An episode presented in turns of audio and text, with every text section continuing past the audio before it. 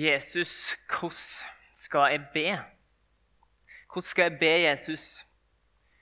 Det spørsmålet det kom disiplene til Jesus med. De kom og sa, 'Jesus, lær oss å be'. Så jeg tenkt på det, at det er faktisk ganske fascinerende at det er det spørsmålet disiplene valgte å stille. For De kunne ha stilt spørsmålet Jesus, kan ikke du lære oss å gjøre vann til vin. Det hadde vært ganske fett. Eller eh, Jesus, lær oss å helbrede, eller lær oss å reise opp fra de døde. Men det er ikke de stille spørsmålene. De stiller spørsmålet 'Jesus, lær oss å be', eller sier det. Lær å be Jesus. Um, og jeg tror at ved å følge Jesus over tid, så har de sett noe i Jesu bønneliv, noe, noe ekstraordinært. At Jesus han brukte bønn, av, var avhengig av bønn. Han søkte Gud, sin far, i bønn. Og når han ba, så var det helt sikkert noe spesielt. Det ville de ha del i. Og så tror jeg de hadde sett en link i Jesu liv. Jeg tror de har sett det, og det ser vi i evangeliet, at når, eller etter at Jesus har vært ute og forkynt for folk, for store folkemengder, eller etter han har vært ute og helbreda folk, hva gjorde han da? Jo, han gikk og søkte tid alene med Gud i bønn. Han søkte tid alene med Gud i bønn. Hva vi ser der? Jeg tror vi ser det at Jesus sjøl måtte bruke bønn og aktivt søke Gud, sin far, for å være sendt til verden. Han var sendt til verden av sin far for å tjene verden. Men for å stå der for å tjene verden så måtte han søke han som hadde sendt han. Han måtte være påkobla Gud sin far, han som sendte han. Vi ser at Jesus var avhengig av bønn for å leve ut sin hensikt. Og nettopp det er en stor grunn til at jeg har hatt lyst til å ha vår far som taleserie i misjonssalen. At vi har en taleserie om hva Jesus svarer når disiplene spør eller sier 'lær oss å be'. For dere som har gått i misjonssalen, en periode så har dere hørt at vi har snakka om sendekultur. og for du som er ny her, skal forklare det helt kort. Vi i Misjonssalen ønsker det at Misjonssalen er en menighet, vi er et fellesskap, vi er mennesker som har et DNA, de som har et, en selvbevissthet på at vet du hva, vi er sendt til verden med en hensikt. Jesus sier som far har sendt meg, sender dere. Og vi som sitter her, vi skal se på oss sjøl som sendt til verden. Og så gjelder det i måte, perspektivet her og nå at vi her og nå er sendt til Oslo. Til mennesk, menneskene vi har med å gjøre her i Oslo, på studiested, på jobb osv. Um, og så er det helt rått å tenke på hvor ufattelig mange mennesker vi til sammen når når vi hvis alle vi som er her, ser på oss sjøl som sendt, og når vi går ut her etter at vi har blitt lyst velsignelsen utover, da ser vi på oss sjøl som sendt med øyne som skal se etter behova vi er sendt til. For en utrolig forskjell det vil gjøre for byen vår. Og greia folkens, er det at byen vår, som vi bor i akkurat nå, som vi er sendt til akkurat nå, det er så ufattelige behov. Helt helt enorme behov. I byen vår så er det ufattelig mange mennesker som lever uten Gud og uten håp i verden. Som lever uten Gud og uten håp i verden. Hva har vi tenkt å gjøre med det? Så var vi jo, Jeg var sammen med Odd Martin blant på en lederdag på Beveg Oslo her på torsdag. Beveg Oslo det er det tverrkirkelige, frikirkelige måte, samarbeidet i Oslo. Og der snakka vi en hel dag om den menneskelige nøden som er i Oslo. Den sosiale nøden som er i Oslo. Ting vi leser på nyhetene, men som vi holder minst på en armlengdes avstand. Helt til du begynner å høre noen historier om vanlige folk som jobber ræva av seg for å få ting til å gå rundt. Om folk som kommer, ut, kommer utafor samfunnet fordi at noen rekrutterer dem inn i en, kriminal, en kriminell gjeng. Folk som bor på gata, folk som blir fanga i menneskehandelssystem. Hva gjør vi med det? I byen vår er behovene enorme. Og så er det et lengre perspektiv. For mange av oss så er Oslo og studielivet hvis du er det, en slags mellomfase, og så vet du ikke helt hva som skjer om tre til fem år. Kanskje er det Oslo, kanskje er det Nord-Norge, kanskje er det misjon i sensitivt område. jeg vet ikke. Men da skal vi være en gjeng som er med å sende hverandre.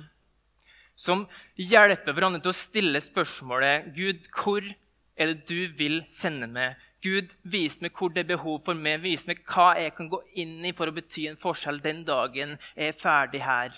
Det er det vi mener med sendekultur. Det er det som er greia. Men folkens, forutsetninga for at det skal skje, det er bønn. At vi er påkobla Han som sender oss. Vi kan ikke være en sendende kirke uten å være kirke og enkeltmennesker i bønn. Det er der det starter, og det lærer vi og ser vi hos Jesus. Det er der vi kan hente kraft til å leve et liv som sendt.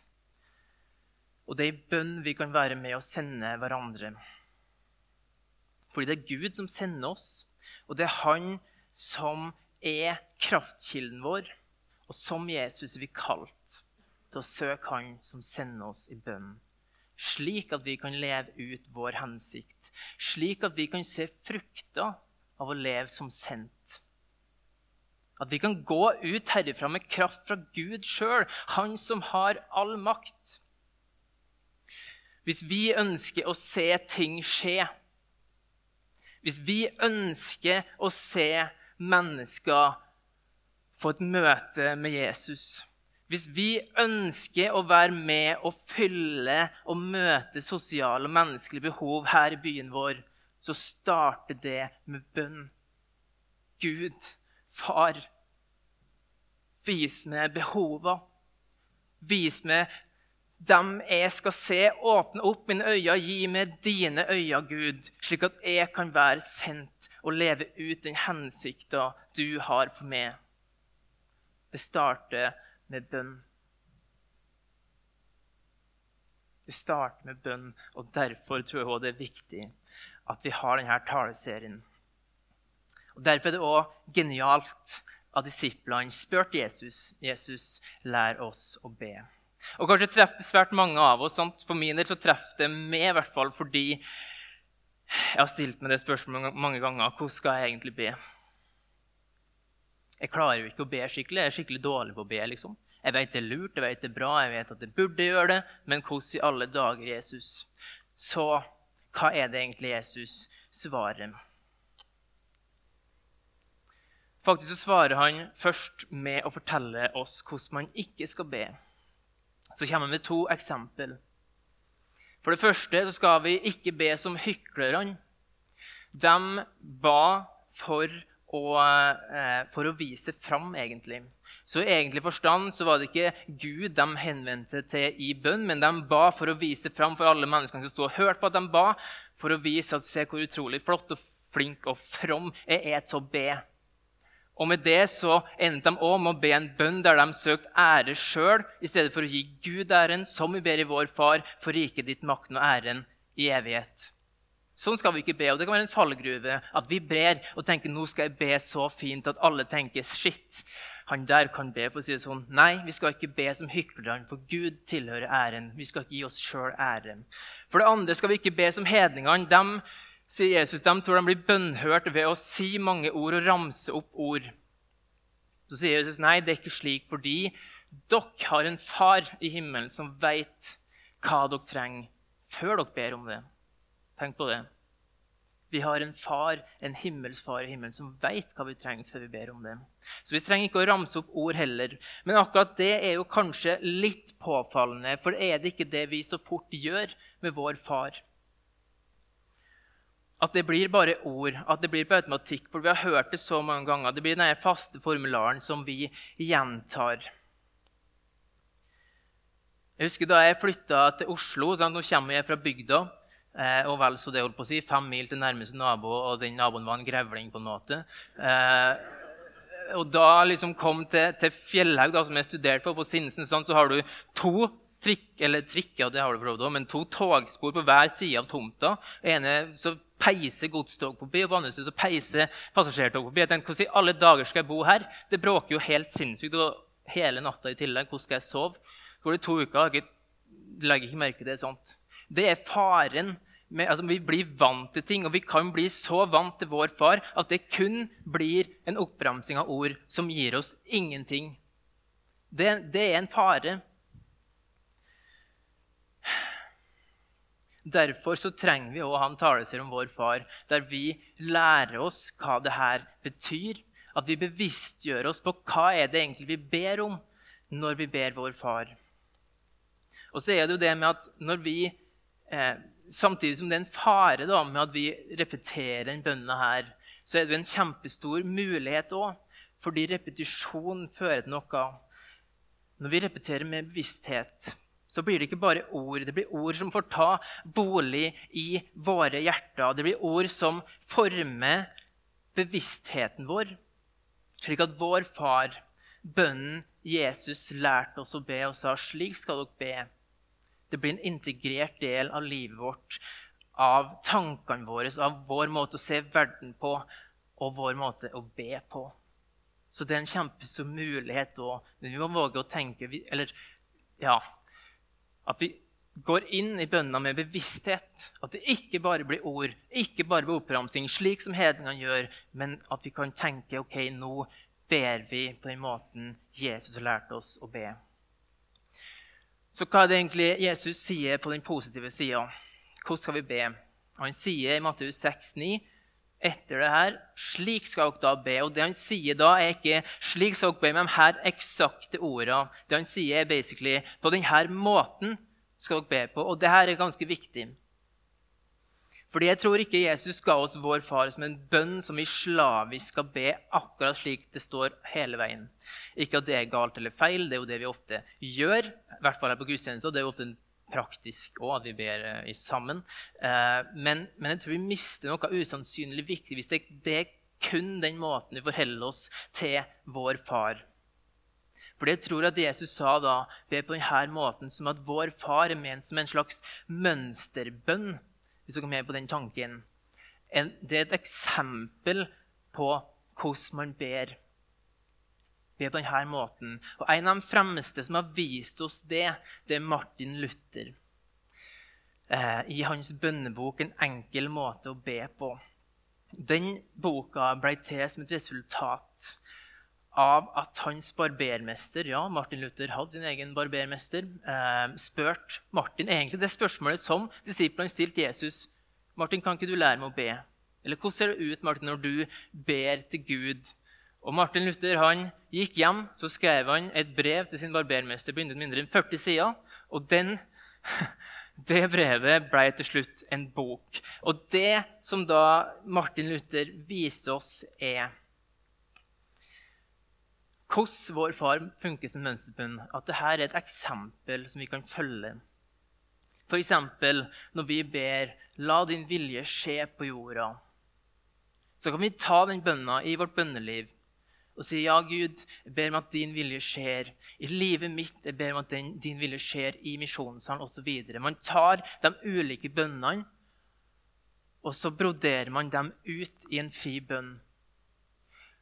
Og vet dere hva? Akkurat det her har forandra mitt bønneliv ganske masse. Og jeg anbefaler dere å prøve. Fordi jeg tror det er det her Jesus mener. Be på denne måten. Og Ofte så sliter jeg med å finne orda. Da kan jeg bare be vår far slik det står. Av og til så kjenner jeg oi shit, nå fikk jeg litt mer inspirasjon her. Yes, Gud, la din vilje skje der og der, inn i mitt liv, inn i mine relasjoner osv. På den måten kan vår far funke, og det kan være en nøkkel i ditt bønneliv. Så mitt forslag er begynn der. Hvordan skal jeg be Jesus? Begynn der. Begynn med den bønna Jesus har lært deg å be. Og så bruker du vår far av og til med de ordene. Av og til så bygger du på ut ifra bønnene som er i vår far. Og det kommer til å bli lettere nå fra lørdag til lørdag når vi etter hvert skal gå gjennom de ulike bønnene. Men begynn der. Dette er en nøkkel folkens, til å åpne opp bønnens rikdom. Vi skal nå prøve å kort Eller ja, vi får se om det blir kort. Det jeg ikke lov dere. Nei da. men vi skal prøve å se litt på orda i måte, rekkefølge i resten av talen. her. Den, den første setninga i Vår Far. og Det er jo setninga der vi adresserer bønnen. Vi adresserer bønnen til vår Far i himmelen. Og vi skal gå gjennom de orda i rekkefølge. Vi starter med vår. Har du noen gang tenkt på hvorfor vår far står i flertall? Vi sier ikke 'min far'.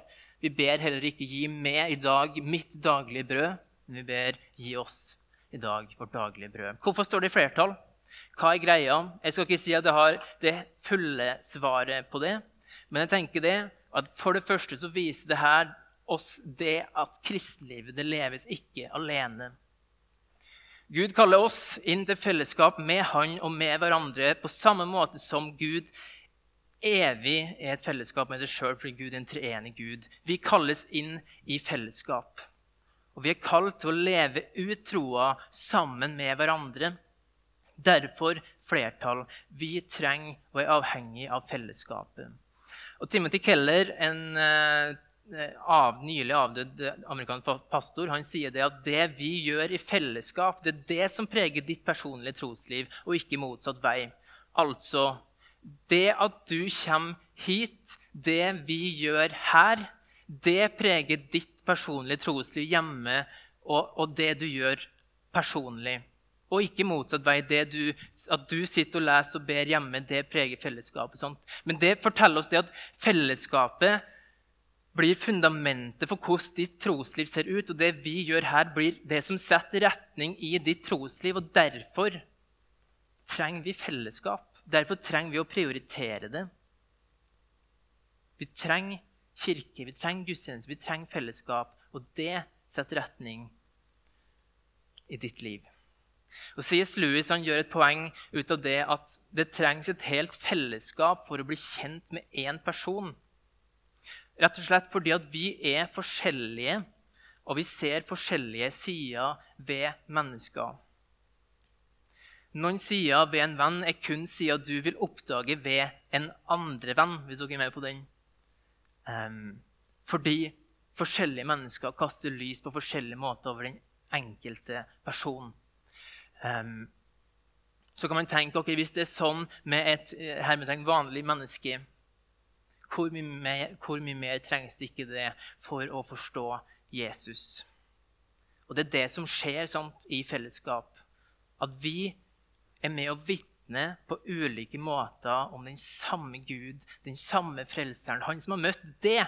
Og Så kan du være med å kaste det lyset på den måten Gud har møtt det. Og så lærer Kolbjørn noe av Karoline, og så lærer Karoline noe av Kolbjørn. Og Derfor trenger vi fellesskap, og derfor tror jeg også at vår far står i, i flertall. For at når vi er med og ber, når vi er med og deltar og forkynner i fellesskap, så kaster vi ulike lys over den samme Gud, og vi lærer av hverandre. Derfor tror jeg det står i flertall. Neste ord er far.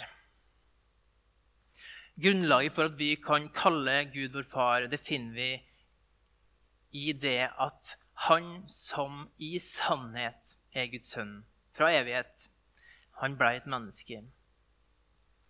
I Johannes 1 så leser vi det at sønnen ble menneske, at sønnen tok bolig iblant oss, at han ble en av oss. Han kom til sitt eget, så skriver Johannes, men alle som tok imot ham, dem ga han rett til å bli Guds barn, dem som tror på hans navn. I det å ta imot Jesus og tro på han, så blir vi adoptert. I det du tok mot Jesus og begynte å tro på han, så ble du satt ifra en håpløs situasjon der det å kalle Gud som far er en helt fullstendig fjern tanke. Eller egentlig ja, det er en feil tanke. Før det så hadde du ikke Gud som far. Men når du tok imot han, så ble du satt ifra den håpløse situasjonen. Der var du uten håp og uten Gud i verden. Til å bli flytta inn til å være Guds barn med himmelens Gud fra evighet til evighet som far. Og det her, folkens, det, det er vanskelig å forstå. Hvis du tenker, du tenker ja, kult, da forstår du det ikke. på en måte. Um, fordi det her er helt sinnssykt. Vet du hva, blant annet hva det her betyr, for å prøve å illustrere det litt? Når Jesus ble døpt, så sa Gud Fader fra himmelen med en stemme det her er min sønn, den elskede. I han har jeg min glede. Når du tar imot Jesus og blir adoptert, blir Guds barn, da blir du satt på lik linje med Jesus. Og det Gud sier der, det kan du faktisk ta til deg. At Gud sier til meg, 'Det her er min sønn, Guds elskede sønn.' Du som sitter her, 'Det her er min datter, det her er min sønn, den elskede.' Det skjer når du tar imot Jesus. Du får Gud, den evige Gud, som far. Derfor skriver Paulus, men i tidens fylde, sendt Gud sin sønn. Han skulle kjøpe fri dem som sto under loven, altså fanga av loven, så vi kunne få retten til å være Guds barn. Og det, folkens, er vi i troa på Jesus, Guds barn. Og er du ikke her, eller er du her og ikke har tatt imot Jesus, jeg inviterer deg til å ta imot ham til å ta imot han og få Gud som far bli satt på linje med Jesus. At Gud kan si til deg, 'Det her er min sønn, det er min datter, den elskede'. Det finnes ikke noe bedre.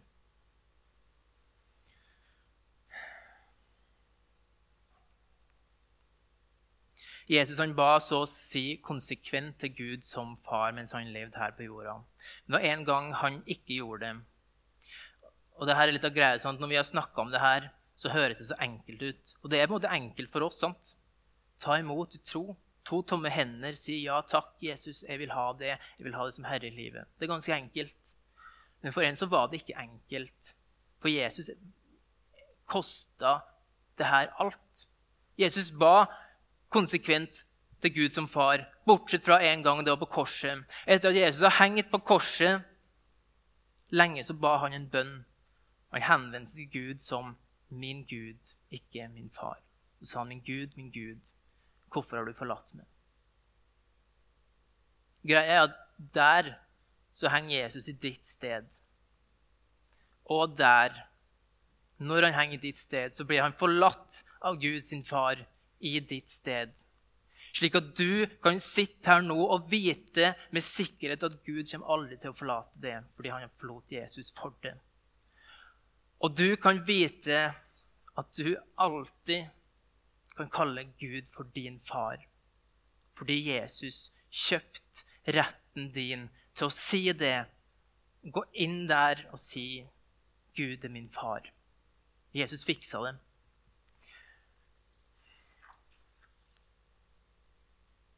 Å be til Gud som far det er det samme som å be i Jesu navn. Eller kom frem for Gud med den frimodigheten du har i Jesus. Samme rettigheter som Jesus. Du er satt på samme linje. sant?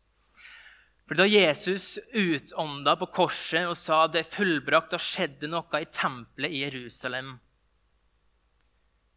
Det hang et forheng der, et tykt forheng inn til det aller helligste. Og inn til det aller helligste, det var der Gud bodde. Når Jesus sa det er fullbrakt, så revna det forhenget fra øverst til nederst.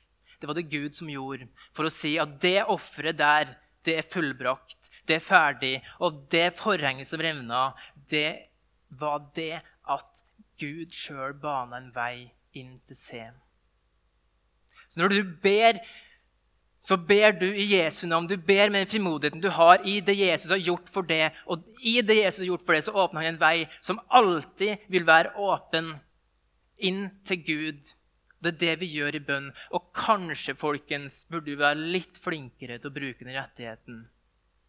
Jeg vet ikke hvordan det står til med bønnelivet ditt, men hvor ofte bruker du den retten at du kommer foran Gud, din far, i Jesu navn, med den frimodigheten du har pga. at Jesus har fiksa det du ikke klarte å fikse sjøl, og ofra alt. For min del og din del er det enkelt. Men den retten den kjøpte Jesus til det med sitt blod. Han betalte og ofra alt for at du skulle få lov til å gjøre det her. Kanskje skal vi være litt bedre til å gjøre akkurat det. Og så vil jeg bare si til det som eh, kanskje som meg Jeg kjenner på det at når, når livet går litt trådere, og det kommer en del synder som man gjerne skulle ha unngått Kanskje går jeg på trynet gjentatte ganger på rad i noe som jeg ikke burde gjort. Så tar det fra meg frimodigheten og tenker jeg kan ikke komme fram for Gud nå. Jeg er skitten, jeg er uverdig. Men det er ikke min frimodighet jeg kommer fram til Gud for, sånt, som vi har snakka om. Til Jesu frimodighet. Ikke la noe i livet ditt få komme i den veien, fordi den veien er åpen. Ikke som at det er greit. holdt på å si, altså Vi skal kjempe mot syndene, men gå til Gud med det og si ok, jeg kommer i Jesu navn, ikke mitt navn. Jeg er skitten. Gud, tilgi meg for det jeg har gjort. Si det samme som Gud om synda som du strever med, men ikke la synda kødde til den veien som Jesus åpna for deg. For det, den kan ikke lukkes. Du syr ikke igjen det forhenget som revna, som Gud revna for det, med det som er dritt i livet ditt. Så gå til Gud og kjemp med, kjemp med det der. Ikke la det hindre deg i å søke Gud. Og så har jeg lyst til å si noe til det som kanskje sitter her og har en litt klump i magen for at du syns det er vanskelig å snakke om Gud som far. Jeg vet ikke, men Kanskje har du hatt en jordisk far som ikke har vært grei, som ikke har vært bra som ikke har vært snill mot dem.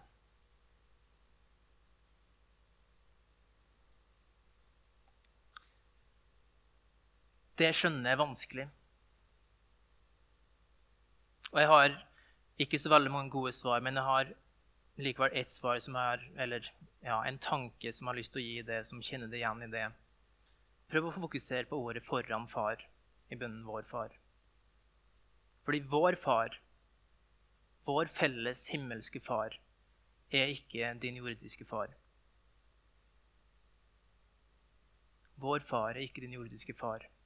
Og vår far utkonkurrerer samtliges jordiske fedre, uansett hvor god eller dårlig de har vært. Vår jordiske far ville aldri gjort noe vondt mot den eneste en av sine barn, fordi han er evig kjærlighet, evig godhet.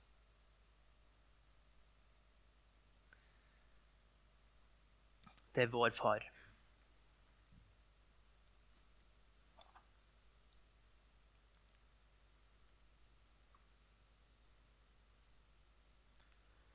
Vi skal avslutte med 'I himmelen'. Og Her begynner vi å ane konturene av hvor stort det er at vi får be.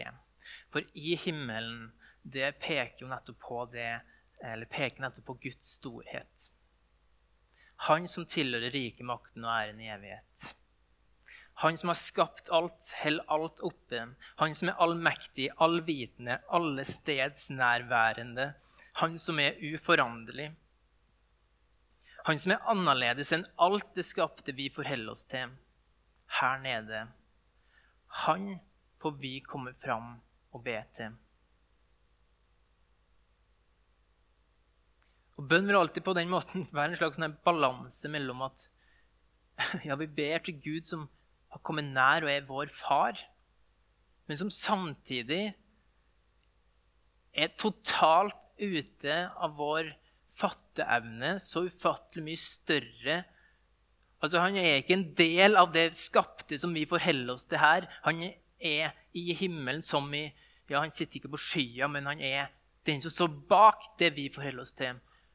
Og bare Bruk to sekunder og tenke på hvor sinnssykt det er. At han kan vi komme fram for, og at han kan vi kalle vår far. Det her er på en måte det nå vi begynner å liksom ane konturene av hjelpe meg for et privilegium å få lov til å be. Og så er Gud uforanderlig, og i det så kommer løftene til oss. Og i det så, så får løftene en ekstra tyngde. Fordi at når Gud er uforanderlig, og han har gitt oss løfter, så vil aldri løftene forandres. Nå kjenner jeg meg vann.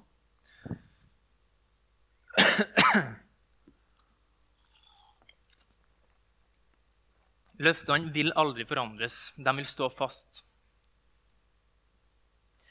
Og bønn, å komme fram for Gud, det er egentlig å retune seg på Gud og hans sannhet og hans løfter for oss. Det er en konkret måte å gjøre det på. Sorry. For min del Hjelp meg nå, jeg holder på å tørke fullstendig ut her. Um, for min del har det blitt viktig. Det har blitt viktig for meg å tenke på Guds storhet, Guds uforanderlighet, hans løfter til meg. Og søke Gud i bønn for å retune meg på dem. Um, I møte med denne angsten som jeg kan kjenne på av og til, som jeg har delt Eh, litt om tidligere.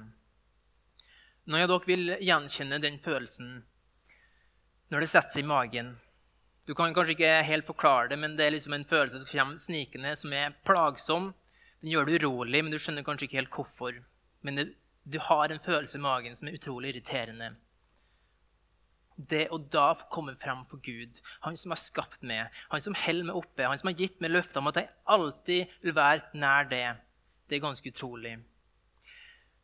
Midt i det jeg kjenner på, kan jeg komme fram for han og ta min tilflukt til han, hans sannheter og løfter. For i angsten som jeg kjenner på, og som kanskje du kan kjenne på, så kan Gud føles så sinnssykt langt borte, men i det så er han ikke langt borte. Han kan komme nær det på en ekstraordinær måte når du kan søke han i det som er vondt og vanskelig i ditt liv. Han er aldri langt borte. Han er din far midt i livet, der du er, med det du bærer, bærer på. Der er han hos det. Det er en dobbelthet. Hør hva som står i Jesaja om 57. Så sier Han som er høy og opphøyd, Han som troner evig. Den hellige er Hans navn. I det høye og hellige bordet, og hos den som er knust og nedbøyd i ånden. Jeg vil gi ånden liv hos dem som er bøyd, dem som er bøyd ned. Gi hjerteliv hos dem som er knust. Ser du den dobbeltheten der? Vår Far i himmelen, det, det kan, vi henvender oss til Gud som vår Far i himmelen når vi ber vår Far. Men når vi sier det, så ja, Gud er stor. Han er så mye større enn vi skjønner. Samtidig han bor med. Han bor med som kan være nedbøyd og knust. Og Jeg vet ikke hvor du er igjen i livet. Kanskje kjenner du igjen i noe av det. Ta det, ta det her til det. Gud er ufattelig mye større enn du skjønner, men han er samtidig helt nær det, i ditt hjerte, i ditt liv. Og folkens, greia her, den dobbeltheten sånt, det her er, det er redninga vår. Det her er håpet vårt. Fordi at Gud er så stor, det beviser, eller det gjør at Gud er mektig til å forandre den situasjonen som ikke er god i livet ditt. Samtidig så er han så nær det at han er der i det vonde. Om det ikke blir bra, så er han der og går sammen med det. Og han forstår, fordi han er helt nær, og han kom helt nær. Er ikke det fantastisk?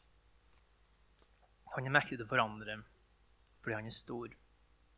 Og han er så nær at han forstår. Det syns jeg i hvert fall er, er vanvittig godt å tenke på i det som av og til kan være kjipt å bære på i mitt liv. Jeg har lyst til å avslutte med et bilde. Dette er John F. Kennedy. Bildet fra da han var president i USA datidens mektigste mann. Å gå inn på hans kontor var det de færreste som fikk lov til og mulighet til. Og For å komme dit så måtte du mest sannsynlig ha en god del makt sjøl.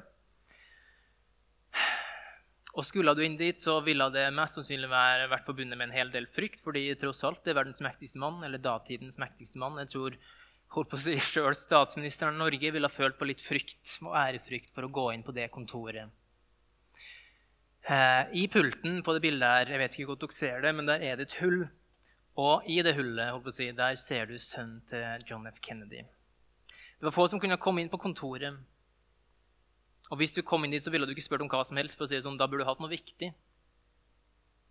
Men for sønnen hans så var det veldig annerledes. Der satt han i et hull i pulten. til verdens mektigste mann. Hvorfor? Jo, fordi han var sønnen hans. Han hadde noen privilegier som ingen andre hadde. Ene og alene fordi han var sønn. Og Der andre ville tenkt seg svært nøye om hva de spurte presidenten om, så tviler på at sønnen gjorde det. Jeg tipper han spurte dem om de mest rare ting. Kanskje at du våkna sønnen en natt kjente jeg, jeg var litt tørst. ass. 'Pappa, kan du komme og hente litt vann til meg?' Presidenten av USA Ingen andre har stilt det spørsmålet. Men det var helt greit når sønnen gjorde det. og John F. Kennedy gikk helt sikkert opp. Tenkte sikkert det var litt kjipt, Men så klart han hentet en vann til sønnen sin. liksom. Fordi det er sønnen hans.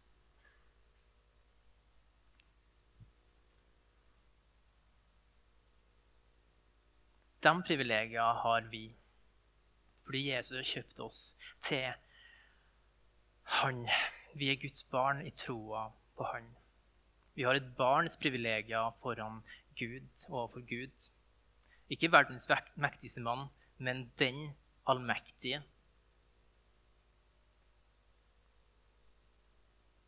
Han kan vi komme fram for med frimodighet i Jesu navn. Og si 'Vår far, min far i himmelen'. Han kan vi spørre om alt. Kanskje du tenkte jeg kan ikke be om det, det er for lite, jeg kan ikke bry Gud med det. Hva tenker du da? At Gud ikke bryr seg? At han er for opptatt? Gud bryr seg. Kom fram for han. Bruk de privilegiene du har som sønn.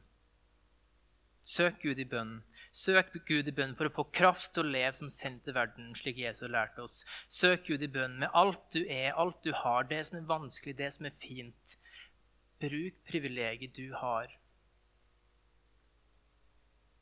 Jeg tror det her er noe vi skal benytte oss mer av, fordi det her er helt fantastisk.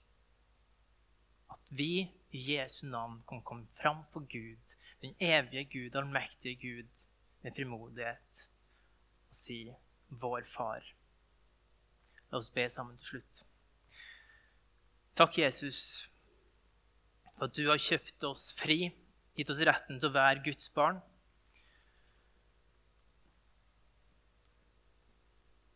Gode far, vi kommer fram for det med alt det vi er, alt det vi har. Må du hjelpe oss til å bruke bønnens privilegium. Takk for den du er. Takk for at du er allmektig, at du bor i det høye, at du er mye større enn det vi kan forstå. Og samtidig, Gud, så er du en som bor hos den som er nedbøyd og knust i ånden, helt nær. Mektig til å forandre, og så nær at du kan forstå, ha medlidenhet, og at du går sammen i det vonde Jesus. I ditt navn ber vi.